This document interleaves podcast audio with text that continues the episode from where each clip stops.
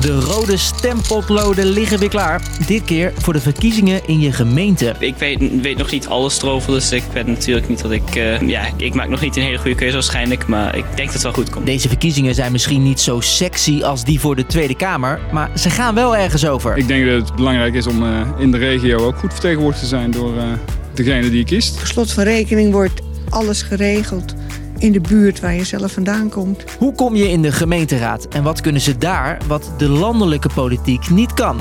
Ik ben Jasper en ik leg het je uit. Lang verhaal kort. Een podcast van NOS op 3 en 3FM. Het openvouwen van het stembiljet. Dat is nog best een klus, want die lappen papier waarop je een hokje rood moet kleuren zijn enorm. Ja, het zijn veel grotere beerten. Je hebt veel meer partijtjes.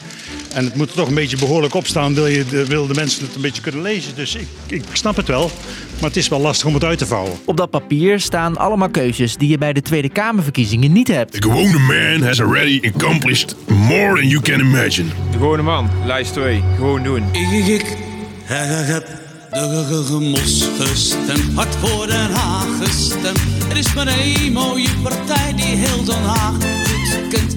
Naast de gebruikelijke namen zoals de VVD, het CDA en D66 vind je in sommige gemeentes partijen als Inwonersbelangen of Lokaal Belang.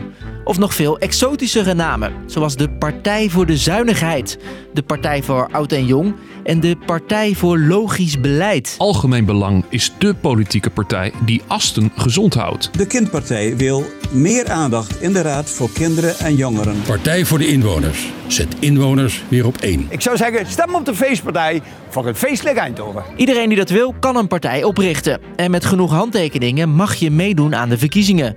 Van 10 handtekeningen in een kleine tot 30 in een grote gemeente. Bij de verkiezingen bepalen we met z'n allen wie er de komende vier jaar in de gemeenteraad komt. Vrouwen, mannen, jong, oud. Ik vind dat het een afspiegeling moet zijn van, uh, van de gemeente, zo'n gemeenteraad. Het is eigenlijk de Tweede Kamer, maar dan in het klein. Hoe meer inwoners, hoe meer zetels er zijn in de raad. De allerkleinste gemeenten hebben er negen, zoals Roosendaal in Gelderland. En daar heb je dan ook minder keuze. We zijn verheugd te mogen melden dat alle drie de deelnemende partijen in Roosendaal meedoen aan dit debat. De grootste gemeenten, met meer dan 200.000 inwoners, hebben 45 zetels. Hoe meer stemmen, hoe meer mensen een partij in de gemeenteraad krijgt.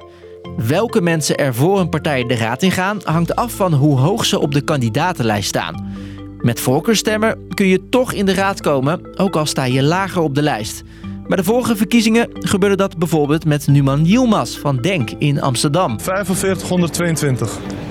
Ja, best veel. Genoeg stemmen om in zijn eentje recht te hebben op een zetel. En omdat het soms op een paar stemmen aankomt, wordt er vaak tot diep in de nacht geteld. Uh, wij gaan door tot het laatste stembureau uh, binnen is. Dus dat wordt uh, ja, minimaal 4, 5 uur, denk ik. Ja. De gemeenteraad is dus de lokale volksvertegenwoordiging. Na de verkiezingen zoeken de partijen naar een meerderheid om samen besluiten te nemen en vormen ze een bestuur. Landelijk heet dat het kabinet met de premier en ministers. In de gemeente is dat het college van burgemeester en wethouders. Waar gaat de gemeentelijke politiek over? Vooral over waar het geld naartoe gaat. Dat binnenkomt van de landelijke overheid en via de gemeentebelastingen. Elke gemeente krijgt elk jaar zoveel budget. En de gemeenteraad kiest er uiteindelijk voor wat gaan we doen met dat budget. Gaan we zo'n straat als deze binnenkort opknappen of gaan we iets anders in Breda bouwen ja. of aanpassen? Straten opknappen, maar ook tot hoe laat de kroegen in jouw stad of dorp open mogen blijven. Hoe vaak het afval wordt opgehaald, hoeveel boa's er op de been zijn en of er een opvang voor vluchtelingen moet komen. Het ligt allemaal op het bordje van de gemeente. Lokale politiek is heel erg belangrijk, omdat dat gaat over dingen die jouw directe omgeving beïnvloeden. He, waar komt het fietspad? Waar komt het jongerencentrum? Waar komt, wordt de school gebouwd? Maar ook waar worden studentenwoningen gebouwd? De gemeenteraad stemt over wat er nodig is en waar het college van burgemeester en wethouders mee aan de slag moet. En achter al die keuzes zitten mensen die jij dus kiest. Gaan jullie allemaal stemmen? Blijf realistisch. Stemlijst hop en honing. Dus, lang verhaal kort. Eens in de vier jaar mag je stemmen voor de gemeenteraad. Die raad kun je zien als de gemeentelijke versie van de Tweede Kamer.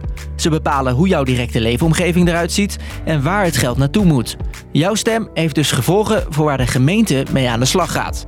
Wat je moet stemmen, dat moet je natuurlijk zelf weten, maar hopelijk snap je nu wel iets beter waar de gemeenteraad over gaat. Iedere werkdag rond 5 uur staat er een nieuwe aflevering klaar in je app. Dank voor het luisteren.